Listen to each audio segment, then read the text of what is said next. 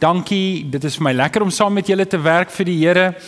Um ek vat ons het nou laas jaar laas jaar laat laas jaar het ons as gemeente die kerkhuis gekoop oor kan die pad en uh ek moet vir julle sê dit werk goed. Vir die sonnaskool werk dit goed. Oom Johan, ek weet nie of dit goed werk vir julle met die gebedsgroep nie, met die mega sel en die jeug werk dit goed. Maar ek moet vir julle sê dit was nou dit was nou 'n bybonus dat die kantoor daar kan wees, maar ek moet vir julle sê dit werk vir my baie goed.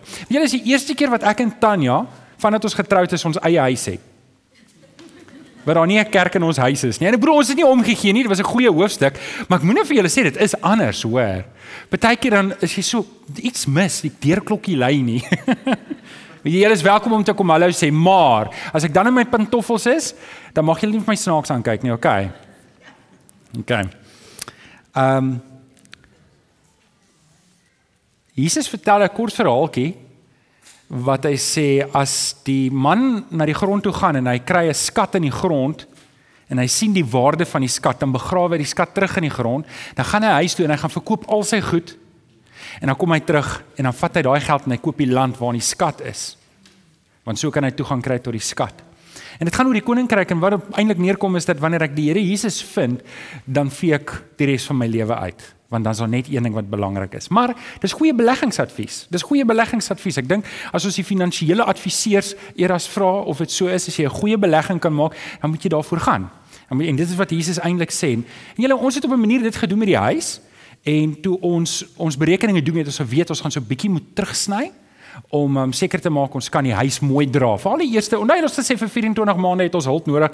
En daar's 'n rede hoekom ek julle dit sê want ons het vanaand 'n ouderling vergadering wat ons vinnig net oor die finansies gaan kyk en ek moet vir julle sê 'n maand terug toe ek met hulle vergader het, was ek nogal so bietjie bekommerd en ons het sny maatreëls ingesit en um en tussen daai vergadering en hierdie vergadering het het julle so mooi bygedra en ek wil vir julle regtig dankie sê daarvoor dat uh dat baie keer dan raak mense half 'n bietjie bekommerd en jy dink, oh, "Gaan ons dit maak? Kan ons dit maak?" en dan en dan kom julle deur en ek wil vir julle dankie sê. Dankie dat julle so mooi bydra. Ek wil julle net twee insidente vertel. Want een van die eerste plekke waar hulle gesê het ons gaan sny, is op die Bybelstudieboekies. Hulle sê wel ons nou nie kies nie, ons moet die Bybelstudieboekies nou net vir die Bybelstudies gee. En ek het so gevra asseblief ouens, kan ons dit nie vir almal gee nie? Hulle sê maar die boekies is te duur en toe praat ek met 'n man in die gemeente en ag ek het nie gaan kla by hom, ek beloof ek nie gaan kla by hom nie. En hy sê nee, maar jy moet dit vir almal gee. En hy betaal R15000 in die kerk se rekeninge. So dis 'n vervolgende kwartaal. Maar nou moet julle nie sê nou hoef ons nie te betaal nie. OK, want as jy betaal dan betaal jy die volgendes. En en toe kry hierdie ou gee my toe guts. Hy gee my toe guts. Ek dog, weet jy wat, ek het nog 'n man vir met wie ek kan gaan praat. Ek bel hom, maar nou is ek erg op my senuwees. Ek het nog nooit in my lewe iemand vir geld gaan vra nie. Ek gaan sit vir hom, ek sê, hoorie, aan die einde van die jaar met die kruisieveld tog wil ek vir Rickert kry. Maar ek moet Vrydag sê want ek sien die ouderlinge Sondag aand en as daar nie geld is nie, dan gaan ehm um, Rickert moet oors oorslaap op 'n ander plek. en uh en ek gaan sit op by hom en hy en ek sê vir hom, weet dis dis wat ons budget is en hy sê, "Oké, okay, ek sal ek sal Rickert se fooi betaal en dan sal ek 'n groot deel van die Bybelstudieboekies ook betaal en hy gee toe ook R15000." Sê 'n bietjie prys die Here. Geef hulle lekker hande klap toe. Dankie ouens. Dankie, dankie dat julle so mooi bydra. Weet julle as as as as ons nie gee nie, nê, dan dan kan ons net minder doen. En julle ek is seker weet die Bybelstudieboekies en al die goeders wat ons doen, dis nie net vir hier nie. Dit gaan ook uit na buite toe. En um, en ek sê vir die Here dankie vir julle oop harte en julle oop hande. So kom ons sluit net die oë. Aanbid ons saam. Vader, dankie. Dankie Here dat wanneer ons so sing, dan is ons bewus van die teenwoordigheid. Here, wanneer ons met mekaar gesels en ons daag mekaar uit in die koninkryk, Here, dan herinner ons mekaar, Here, daar is daar is groter dinge aan die gang as wat ons net sien met die oog. Here, dankie dat U ons kom betrokke maak by U koninkryk. Kom sien ons ook vanoggend waar ons na die woord luister, Here, dat ons dit ter harte sal neem en dat dit ons lewens sal raak. Ons bid dit in Jesus naam. Die kinders van die Here sê Amen. Amen. OK, ons het laasweek nou klaar gemaak met ons reeks oor waardes. Julle sal dit onthou nie. En nou het ek 2 weke wat ek enigiets kan preek. En dis weet julle wat, dis eintlik baie stresvol vir 'n predikant want ons het 'n kurrikulum waarop ons gaan en ons brei ons preke voor en nou skielik moet ek los boodskappe preek. En dan gaan sit ek net terug en dan dink ek, okay, wat is dit wat ek wou preek wat ek nog nie 'n kans gehad het om te preek het oor nie. So, ek gaan vandag met julle praat oor Joshua en volgende week gaan ek 'n bietjie met julle praat oor Dawid en dis twee boodskappe waar ek opgewonde is en ek wil vir julle aanmoedig, ek wil vir julle bemoedig. En ehm um, eers wil ek dalk so bietjie, so bietjie agtergrond gee oor wie Joshua was voordat ons bietjie oor hom praat. Joshua hulle bevind hulle self in Joshua 1 by die Jordaanrivier en uh, is dit Hanlie wat vir ons die eerste skerm opgooi. Um en en hulle moet nou deurgaan. Moses is oorlede en die Here praat met Joshua en sê vir Joshua: "Joshua, Dis nou jou beurt. Jy moet nou oorneem. So ek wil net julle 'n vinnig agtergrond gee van wie Joshua is. Joshua se naam beteken die Here red. Jehovah red, nê? Nee? En um net vir die interessantheid, as jy Jesus, as jy as jy Joshua se naam vir Grieks, dan word dit Jesus wat ons dan nou gebruik in Afrikaans as Jesus. So Jesus en Joshua het dieselfde naam. Jesus het die Griekse weergawe en um Joshua die Hebreëse uh, weergawe. So Joshua was gebore as 'n slaaf in Egipte. Weet nie of julle dit geweet het nie. En um, hy was seker omtrent 45 tussen 40 en 45 jaar oud toe hy een van die 12 verkenners was saam met Caleb en die ander 10. Julle onthou, um, wat hulle moes Kanaan ingaan om te gaan kyk hoe die land was en um, toe het hulle teruggekom en toe het 10 gesê nee, sorry, ons gaan nie ons gaan nie die land oorneem nie. En toe moes hulle nog 40 jaar uh, moes hulle in die woestyn rondtrek. So Joshua word toe die leier van Israel op die ouderdom 85. Maar kyk, wie's wie's wie's ouer as 80? Wie's O, hulle kom almal tweede diens toe. Okay. um So dis dit, toe word hy die leier. Hy het vir 25 jaar was hy die leier en hy het op die ouderdom van 110 het hy gesterf. Sy oorwinning sluit in. Hy het um Jerigo het hy oorwin. Hy het Ai oorwin nadat hy die straf van Akan moes deurgaan toe hulle eers teen Ai wat 'n klein plekkie was, amper 'n dorpie wat hulle teen verloor het en um toe het hulle die vyf Amoritiese konings um gaan kafdraf en daarna net net om vir julle te vertel wat die tegniek was, dit was verdeel en oorwin. So hulle het in die middel ingegaan, hulle het sentraal sentrale Kanaan ingeneem en toe gaan hulle eers die suidelike kant en toe die noordelike kant en dis hoe hulle dit gedoen het. Waarvoor was Joshua bekend? Ek dink almal ken Joshua 24 vers 15 wat sê kies dan vandag wie julle wil dien. Die gode van julle voorvaders gedien het, ander kan die Eufraat of die gode van die Amorite in wie se land julle nou woon. Maar wat my en my familie betref, ons sal die Here dien. Daar's Joshua sommer so in 'n neutedop.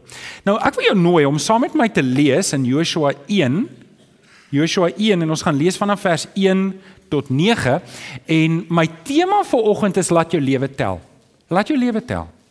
Laat jou laat jou lewe punte tel. Laat dit wat jy het Weet, maak nie saak hoe oud jy was is nie. Joshua was 45 toe hy 'n uh, verkenner geword het, 'n spioen geword het. Wie van julle is 40 en 'n bietjie ouer? Ek wil net sien wie wie wie's hulle. Laat jou lewe tel. Wie van julle is 80 en ouer? Ek wil net gou-gou weer sien wie's 80 en ouer. Die Joshua het Joshua die leier geword van die volk. Laat jou lewe tel. Niemand van ons, niemand van ons het 'n verskoning om nie ons lewe te laat tel nie. En ek gaan vanoggend vir julle wys hoe Joshua dit gedoen het in die genade van die Here en hoe ons dit ook vandag kan doen. Lees saam met my vanaf vers 1. Na die dood van Moses, die dienaar van die Here, het die Here vir Joshua seun van Nun en assistent van Moses gesê: "Moses, my dienaar is dood. Maak jy nou gereed en trek deur die Jordaanrivier, jy en die hele volk. Gaan na die land toe wat ek aan hulle die Israeliete gee." Soos ek vir Moses gesê het, gee ek aan julle elke plek waar julle kom. Van die woestyn af in die Libanon af tot aan die groot rivier die Eufraat, die hele gebied van die Hittite tot aan die groot see in die weste. Alles sal julle woongebied wees. Solank jy lewe, sal niemand bestand wees teen jou nie. Soos ek by Moses was, sal ek by jou by jou wees. Ek sal jou nie in die steek laat nie, jou nie verlaat nie. Wees sterk, wees vasberade, want jy moet hierdie volk die land in besit laat neem wat ek met 'n eed aan hulle voorvaders beloof het. Wees veral sterk en baie vasberade in die uitvoering van die wet my Moses, my dienaar Moses wat hy aan jou beveel het. Moet daarvan nie links of regs afwyk nie, dan sal jy voorspoedig wees waar jy ook al gaan. Hierdie wetboek moet die rigsnoer wees vir alles wat jy sê. Oordink dit dag en nag en sorg dat jy alles uitvoer wat daarin geskrywe staan. Dan sal jy slaag in wat jy moet doen. Jy sal voorspoedig wees. Ek self gee die opdrag: wees sterk, wees vasberade, moenie skrik nie, moenie bang wees nie, want ek, die Here jou God, is by jou oral waar jy gaan. Ek wil vanoggend met julle praat oor hierdie gedeelte en ek gaan vanoggend net so 'n bietjie op hierdie gedeelte stil staan en 'n paar goeters bysit. Um dis dalk net dit sê van die Ou Testament en vriende ek ek, ek wil julle nie ontmoedig nie. Um ek wil julle aanmoedig, maar 'n mens kan nie eintlik Ou Testamentiese tekste net vat en en, en toepas nie. Want ons moet iets verstaan van die Ou Testament. Die volk Israel eh, se mandaat en se roeping was om Christus te voorskyn te bring. En as jy dit verstaan van die volk Israel, dat dit was hulle roeping, dit was wat God vir Abraham gesê het, Abraham deur jou sal al die nasies geseën word, was dit juis dit wat God in sy hart gehad het dat uit Abraham gaan Christus gebore word wat ook in Galasiërs staan. So met ander woorde, ons het nie daai mandaat en daai roeping nie. Maar terwyl ons dit sê, ons kan nie net Ou Testamentiese tekste eintlik van toepassing maak direk op my nie. Um moet ek ook verstaan as baie onderliggende waarhede wat wel van toepassing is op ons. En ek wil veraloggend dit uit hierdie teksgedeelte uithaal. So, hoe laat ek my lewe tel? Hoe laat ek my lewe? Wat kan ons uit Joshua se lewe leer? Wat kan ek van Joshua se lewe huis toe vat? En ek wil vir jou vier goedjies gee op jou raamwerk. Hoe laat ek my lewe tel? Nommer 1. Staan op jou oorwinning. Staan op jou oorwinning. En jou oorwinning is nie in jouself nie, dis in Christus. In vers 3 tot 4 lees ons dat die Here met Joshua praat. Hy sê soos ek vir Moses gesê het, gee ek aan julle elke plek waar julle kom. Die ou vertaling sê elke plek waar julle julle voete neersit, dis julle grond. En en nou asseblief vriende, dit beteken nou nie jy moet um ons gaan as gemeente daar op 'n op 'n stuk grond daar staan by die R300 en dan gaan ons sê dis nou ons grond nie. Ek dink hulle noem dit onwettige besetting, nê? Nee? OK, julle weet waarvan ek praat. Um so dis nie dis nie wat ons hier doen nie, maar daar's tog goed wat ons moet verstaan nie. Kom ons sê dalk net 'n paar goed oor oor Joshua dat ons net verstaan. As ons sê hy was as 'n slaaf gebore, dan moet ek en jy weet hy begin met 'n agterstand. Hy begin met 'n agterstand. Eerste ding wat hy moes doen is hy moes die slaafmentaliteit op 'n manier afskud. Hy hy moes dit afskud. Hy, hy moes op 'n stadium sê maar luister, ons is nie meer slawe nie. En toe hy toe hy 45 jaar oud was, tussen 40 en 45 en hy word uitgestuur na Kanaan toe om te gaan verken en hulle loop daar met julle weet hulle was 12 manne in 'n omgewing van 40 45 en hulle kyk hierdie reuse, hierdie Kanaaniete. Ek bedoel hulle vingers was so groot soos piesangs. Maar dit was groot manne. En en en die 10 kyk na hierdie manne en sê ons sal dit nooit kan regkry nie. En Joshua en Caleb kyk en sê, "Yes, hier is ons land. Hier is ons land." Hulle kom terug en die 10 manne bekla hulle lot en sê, "Hoorie, kom ons vlug net in die woestyn en gaan daar dood want ons wil nie onder hierdie manne se hande doodgaan nie." Maar Joshua en Caleb sê, "Dis ons land." Kan julle hoor wat het klaar gebeur in Joshua se kop? Hy het klaar die slaaf mentaliteit afgeskit. Ek is nie 'n slaaf nie. En en ek en jy moet dit dalk as ek dit dalk aan Nuwe Testament toe, toe vat en ek gaan nou verder oor Joshua praat, moet ek en jy die sondige ou lewe, die mentaliteit van ek is 'n sukkelaar, ek is 'n sondaar, ek sal dit nooit regkry nie, moet ek en jy ook af kan skud om te sê Joshua was nie 'n slaaf in Egipte meer nie, ek en jy is nie meer 'n slaaf van sonde nie. Die Here gee vir Joshua 'n duidelike opdrag. Ek gee vir jou die oorwinning. En ouens, as ek en jy besef, luister gou mooi. Ons sê altyd vir die tieners, news flash. Jou oorwinning is nie in jouself nie. Jou oorwinning is in die Christ, in Christus Jesus. Sy oorwinning aan die kruis tel vir my en jou. En daar's 'n mooi versie daarvoor. Dis 'n mooi versie. Romeine 8:37. Ons is meer as oorwinnaars deur hom wat ons liefhet. Christus gee vir ons die oorwinning. Christus gee vir ons die oorwinning oor my ou lewe. Christus gee vir my die oorwinning in elke aspek van my lewe dat ek in hom kan staan en weer eens Joshua kon nie die grond in besit neem as die Here dit nie vir hom gee nie. En hierdie is nie om rond te loop om goed te probeer kry wat nie vir my bedoel is nie. Hierdie is om binne die wil van die Here te loop want dis waar my oorwinning lê. Maak dit sin wat ek vir julle probeer verduidelik vanoggend. OK, so eerste ding wat ons moet doen is ons moet in die Here se oorwinning bly. En, en dit dit is 'n dis op 'n manier, dis 'n bewussyn van dit wat die Here Jesus gedoen het op die kruis was werklik vir my en vir jou. En vriende, ek wil jou uitdaag. As daar 'n area is in jou lewe waarmee jy sukkel, kom na die Here toe. Kom na die Here toe. Partykeer moet ons oorlog verklaar teen die ou lewe en sê Here, ek wil staan in U. Ek wil staan in U want ons is oorwinnaars. Sê net vir die ou langs aan, jy's 'n oorwinnaar in Christus. Jy's 'n oorwinnaar in Christus. Die Here het dit klaar vir jou gegee. Die Here het klaar onderneem. Hy het klaar vir Joshua gesê, "Joshua, ek gee dit vir jou. Ek gaan jou hierdie pad gee. Ek en wat die Here vir ons gee, dit is my Bybel. Ek is wat dit sê ek is. Ek het wat dit sê ek het. Ek kan doen wat dit sê ek kan doen. Jy is klare oorwinnaar in Christus." Ek en jy moet net die mentaliteit van slawerny afskud. OK, dis nommer 1. Nommer 2, wat is die tweede ding wat ons kan huis toe vat van Joshua se lewe en van toepassing kan maak vir vandag? Wel, die tweede een is wees vreesloos. Wees vreesloos. Vers 5 tot 6 sê: "Solank jy lewe, sal niemand bestand wees teen jou nie. Soos ek by Moses was, sal ek ook by jou wees. Ek sal jou nie in die steek laat nie. Ek sal jou nie verlaat nie. Wees sterk en wees vasberade." Ek kan onthou 2 of 3 jaar terug het Alex oor hierdie gedeelte gepreek by 'n middernagdiens. Alex, ek weet nie of jy dit kan onthou nie. En en hy het hierdie vraag gevra in Joshua 1 vers 9 sê die Here: "Moenie bang wees nie." En Joshua 8 vers 1 sê die Here weer vir Joshua: "Moenie bang wees nie." Ek wil vir jou vanoggend vra: "Hoekom dink jy En as jy by die middernagdiens was daai keer sê jy kan onthou, wie van julle was hier gewees? Wel, wie onthou in elk geval 'n middernagdiens? Ek doen. Ek wil jou vra vanoggend, hoekom het die Here vir Joshua gesê moenie bang wees nie? Want hy was bang. Hy was bang en met goeie rede. Ek sou ook bang wees as ek Joshua was. Ek sou ook bang gewees het, ek sou ook versigtig gewees het, want hy kry hierdie geweldige groot taak. Hy kry hierdie geweldige groot taak om die volk te lei in die nuwe land in. En en en onthou nou, weet julle wat as ek 'n probleem in die gemeente kry? Raai wat doen ek? Natuurlik gaan sien ek die ouderlinge, maar ek het iets anders wat ek doen. Ek bid baie beslis. Julle weet nie hoe vinnig bid ek nie, want ek is maar 'n sineweagtige persoon. As iets skeef gaan, maar ek het ek het 'n mentor. Wat ek bel. Ek bel vir Domie Jakob. Ek sê vir Domie Jakob, hoorie, Domie, ek het nou hierdie probleem. Wat moet ek doen? En onthou nou, hy het jare se ondervinding in die bediening. Dan sal hy nou vir my sê, "Maar Johan, probeer dit en doen dit en praat so en doen so." En dit is vir my lekker om dit te hê. Maar julle Joshua het 'n probleem. Sy mentor is dood.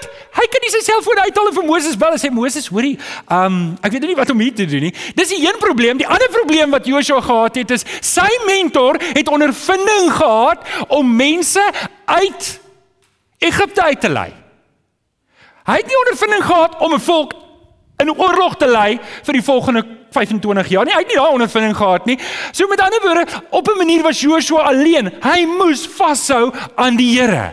Hy moes vashou in die Here. En daarvoor moet ek en jy kan vreesloos wees om te sê, Here, ek hou vas. Hierdie lewe, ek weet nie wat môre kom nie. Ek weet nie wat môre kom nie, maar ek weet ek is daar saam met U. Ek gaan nie nog 'n Nuwe Testamentiese teks wat ons kan aanhaal. Hebreërs 13 vers 6 sê, daarom kan ons met vertroue sê, die Here is my helper. Ek ken geen vrees nie. Wat kan 'n mens aan my doen? Sê vir die ou net langs aan die Here is jou helper. Jy hoef nie bang te wees nie. Ouens, die Here wil ons help en ons leer om vreesloos te lewe. 2 Timoteus 1:7 is een van my gunsteling verse wat sê die Gees, die Heilige Gees wat God ons gegee het, maak ons nie lafhartig nie, maak ons nie bangbroekig nie, maak nie dat ons die hele tyd bewe nie, maar dit vul ons met krag, liefde en selfbeheersing.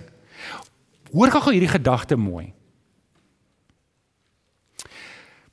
Die Here roep vir Moses vir 'n baie groot taak en hy sê vir hom moenie bang wees nie.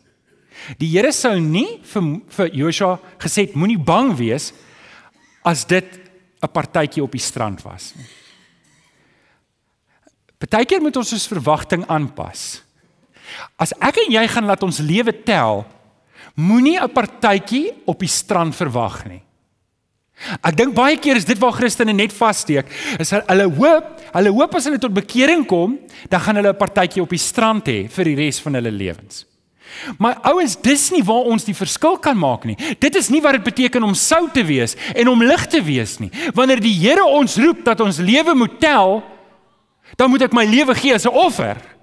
En dan gaan dit my iets kos. Dit gaan kos dat ek 'n doelbewuste besluit moet neem om te sê, weet julle, ek het 'n belangriker boodskap in die Here Jesus om uit te dra as om bang te wees vir mense. Ek het 'n belangriker boodskap, my oorwinning in Christus, die eerste punt, is groter as dit wat moontlik met my kan gebeur. So ouens, ek dit klink dalk nou, hoe moedig ek jou nou aan om vir jou te sê die lewe is nou nie 'n partytjie op die strand nie. Um verwag moeilike dae, moenie bang wees nie. Maar jy verstaan my hart nê. Nee kry 'n bietjie dikvelligheid vir die lewe. En wees reg vir die uitdagings wat kom. Die gees wat God ons gegee het, maak ons nie, die engel sê timid, maak ons nie klein en saggies en dit maak ons sterk. Gee vir ons krag en liefde en selfbeheersing. Sien Joshua moes hy eentjies in 'n ry gekry. Hy hy moes reg gewees het vir hierdie ding. Hy moes hy moes kognitief moes hy ingewees het. Hy moes liggaamlik reg gewees het vir die ding. Hierdie was 'n groot uitdaging wat op sy pad kom.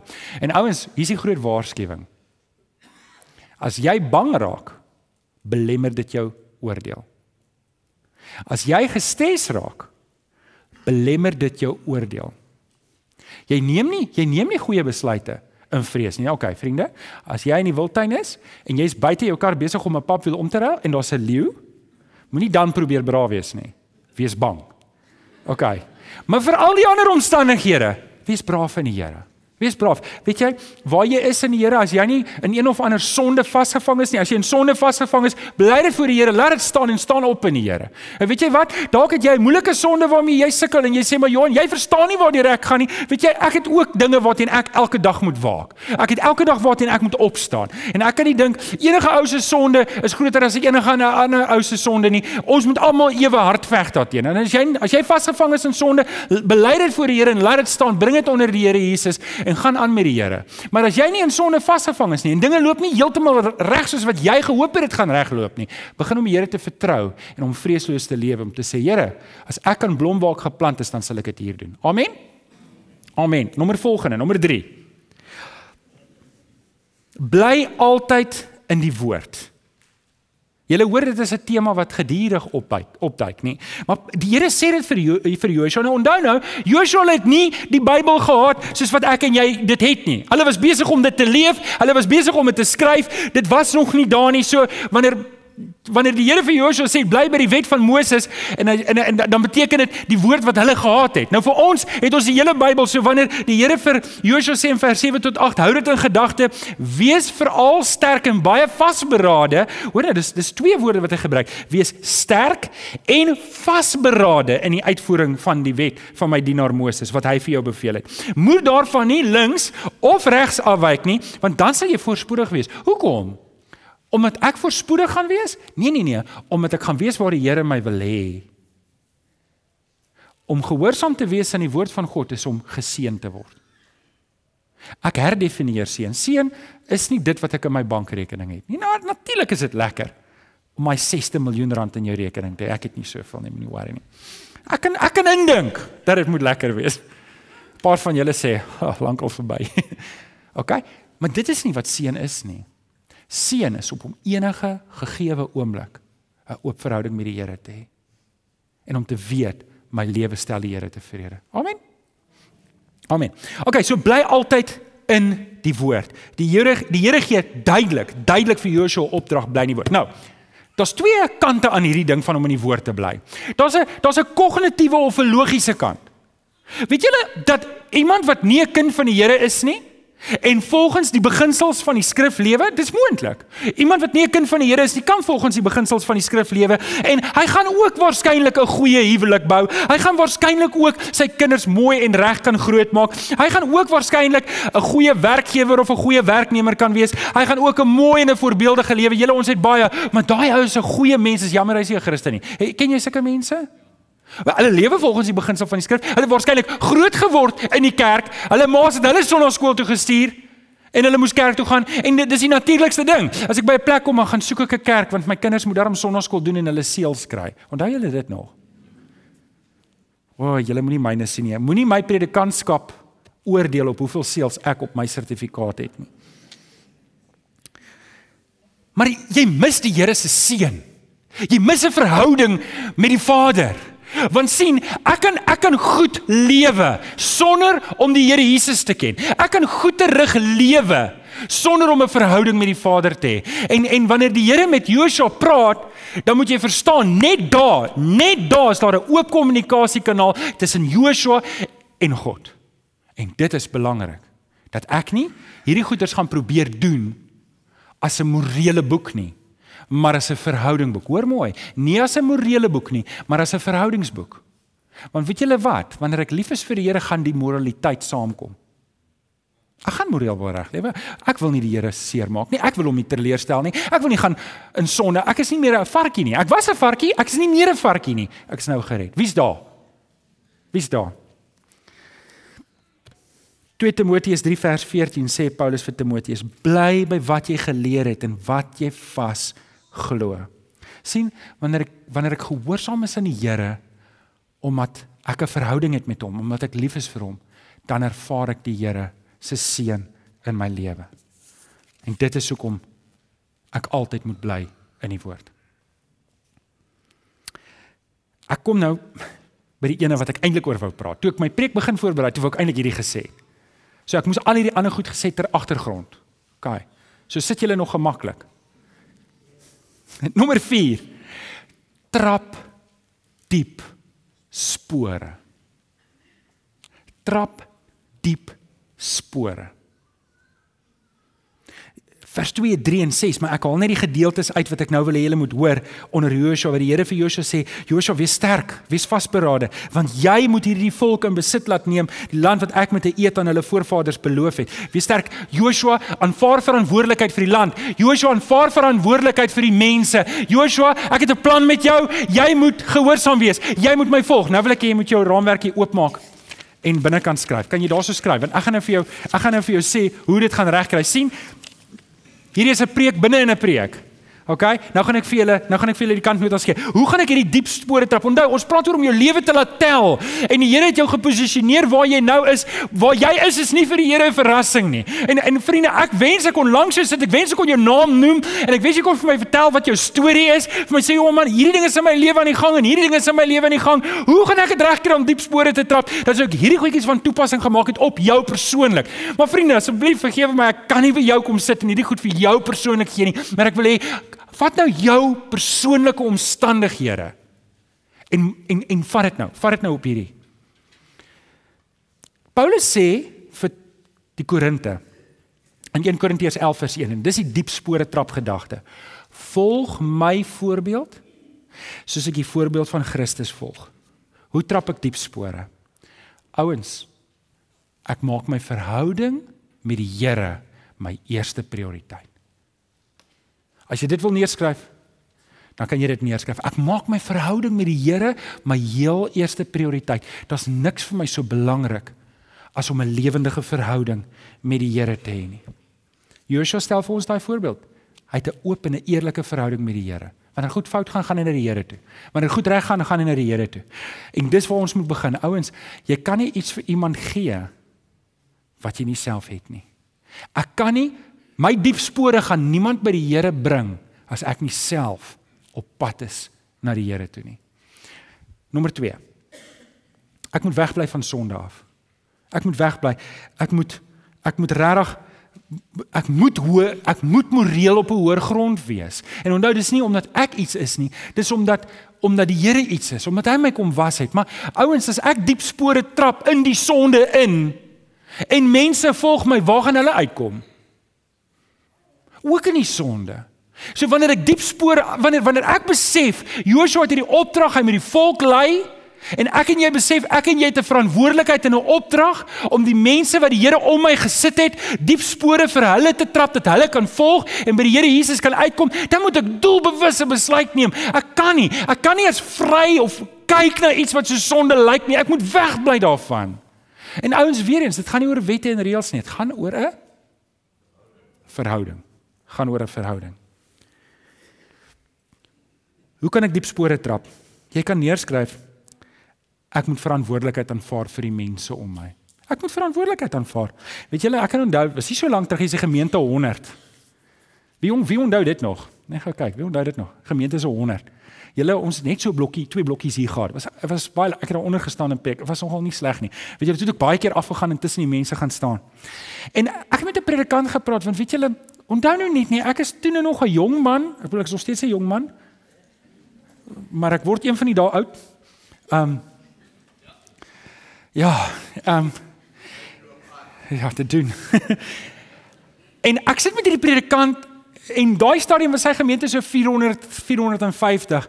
En ek begin met hom praat. Ek sê vir hom, "Man, weet jy wat? Dit voel vir my dit gebeur te stadig. Ek wil hê die gemeente moet groei. Ek kan sien die gemeente is besig om te groei, maar dit gebeur te stadig. En vergewe nou die bietjie ambisie wat daarin gelaai is. Hoor julle nou? Dit is 'n bietjie vleeslik nie, maar die gemeente moet groei. Weet nou natuurlik, of maar vergewe my nou vir die oomblik. En hy sê vir my die volgende woorde: "Johan, be where you're at." Weet jy of ek dit reg uitspreek nie? Be where you're at.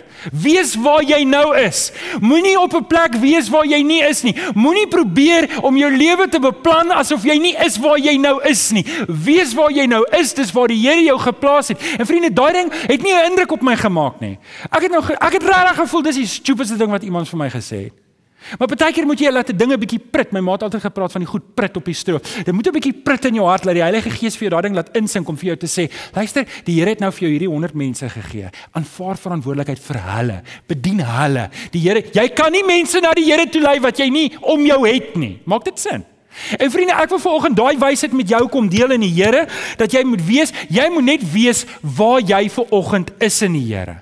As die Here vir jou 'n ma gemaak het, ek praat nou met die ma's daar agter en jy twee klein kindertjies en 'n babietjie, weet waar jy is. Jy moet nou diep spore trap in daai kinders se lewens. Vir die onderwysers hierso wat dalk 30 kinders in 'n klas het, jy moet diep spore trap in daai kinders. Dis alwaar jy nou kan diep spore trap. Vir jou wat werk en jy dalk rekenaars of wat dit ook al is waarmee jy werk, trap jy net diep spore aan. Vaar jy net verantwoordelik. Is dit 2 mense, is dit 1 mens, is dit 100 mense? Maak nie saak wie jy om is nie. Aanvaar vir oggend verantwoordelikheid. Sê vir die Here, Here, goed. U het my geplant hier met hierdie mense om my. Ek gaan hulle dien op watter manier u ook al vir my lei. Kan jy ek sê kan jy dit in kan jy dit doen? Dan die laaste enetjie. En dit is ek moet verantwoordelikheid aanvaar vir my roeping. Hy brei uit op daai, né? Ek moet ek moet verantwoordelikheid aanvaar vir my roeping. Nou, kan ek teruggaan op die vorige ene om te sê, weet jy, as jy nou 'n ma's met twee kinders, dan is dit nou jou roeping. Maar ek weet hier sit dalk 'n paar mense en, en kom ek sê gou-gou net eers die ander kant. Jy sit hier so en sê my Johan, ek het nie 'n spesifieke roeping of 'n spesiale roeping nie. Dan weet jy wat, doen net wat jou hand vind om te doen in die Here. As jy 'n kans het om Jesus te verkondig, verkondig dit. Verkondig die Here. As jy 'n kans het om 'n pamfletjie te gee, as jy 'n kans het om vir iemand te bid, bid vir iemand. Maar jy sit ver oggend dalk hierso en jy's nie daai persoon nie. Jy weet die Here roep jou vir iets spesifiek. Maar jy stoei teen daai roeping. Elke keer dan dink jy, maar daar kom dit net van binne af en dan druk jy dit weg. En 6 maande later kry jy jouself weer, dan daai roeping net weer hier in jou kop en in jou hart en in jou verstand. En vriende, ek wil veraloggend vir jou kom vra, as jy daardie roeping ervaar in jou lewe, ek kom vra veraloggend mooi vir jou, moenie verder teen dit skop nie. Kom bring jou lewe as 'n offer. Jy jy jy wil liewer op 45 jou lewe vir die Here gee. Jy wil liewer op 85 jou lewe vir die Here gee en sê Here, ek wil U dien met die res van my lewe. U roeping, U roeping is al wat saak maak in my lewe. As wat jy nog 10 jaar gaan stoei met die Here, en tyd mors. Ek wil jou volgende kom vra, as jy weet jy het 'n roeping, 'n spesiale roeping in die Here, jaag dit na. Al is jy een van die 10 spioene en jy word uitgestem. En jy moet 40 jaar saam met die volk deur die woestyn gaan. Jaag dit na. Jy weet nie waarmee die Here besig is nie. Jy kan dalk dink nee, maar hierdie was 'n groot ongeluk. Jaag die roeping na. Ek kan dink Josua moes gedink het, maar nou, wat gaan nou aan? Ons het nou heeltemal gemis. Maar jaag jou roeping na in die Here. Vra die Here, Here, help my om getrou te wees aan dit waartoe U my roep. Ek wil vir jou bid. Kom ons sluit die oor aan bid ons saam. Vader, ek kom dankie vir die wonderlike geleentheid wat ek mag hê, die voorreg om met hierdie manne en vroue te praat, Here, oor ons lewens, om ons lewens te laat tel soos wat Joshua gedoen het en Here, hoe Joshua en ons lees nie daarvan nie, maar hoe hy die die soewerein mentaliteit moes afskud en Here hoe hy die nederlaag van 10 manne wat teen hom stem moes afskud. In 40 jaar saam met die mense wat ongehoorsaam was deur die woestyn moes trek sodat U hom kan volwasse kry sodat op daardie dag en datum reg was om by Moses oor te neem. Here het sy lewe laat tel. Nie omdat hy iets is nie, maar Here tog omdat hy gehoorsaam was en nie. En volgens kom vra ek dat U vir ons sal kom help Here dat ons gehoorsaam sal wees U. As daar as daar sonde in ons lewens is wat ons weet weghou dat ons dit sal bely, dat ons sal breek daarmee en sal laat staan. Dat ons na die kruis toe sal hardloop. Die Here Jesus sal aangryp en gehoorsaam sal wees in ons roeping. Kom gee vir ons daardie oorwinning. Ons bid dit in Jesus naam. Die kinders van die Here sê Amen. Amen.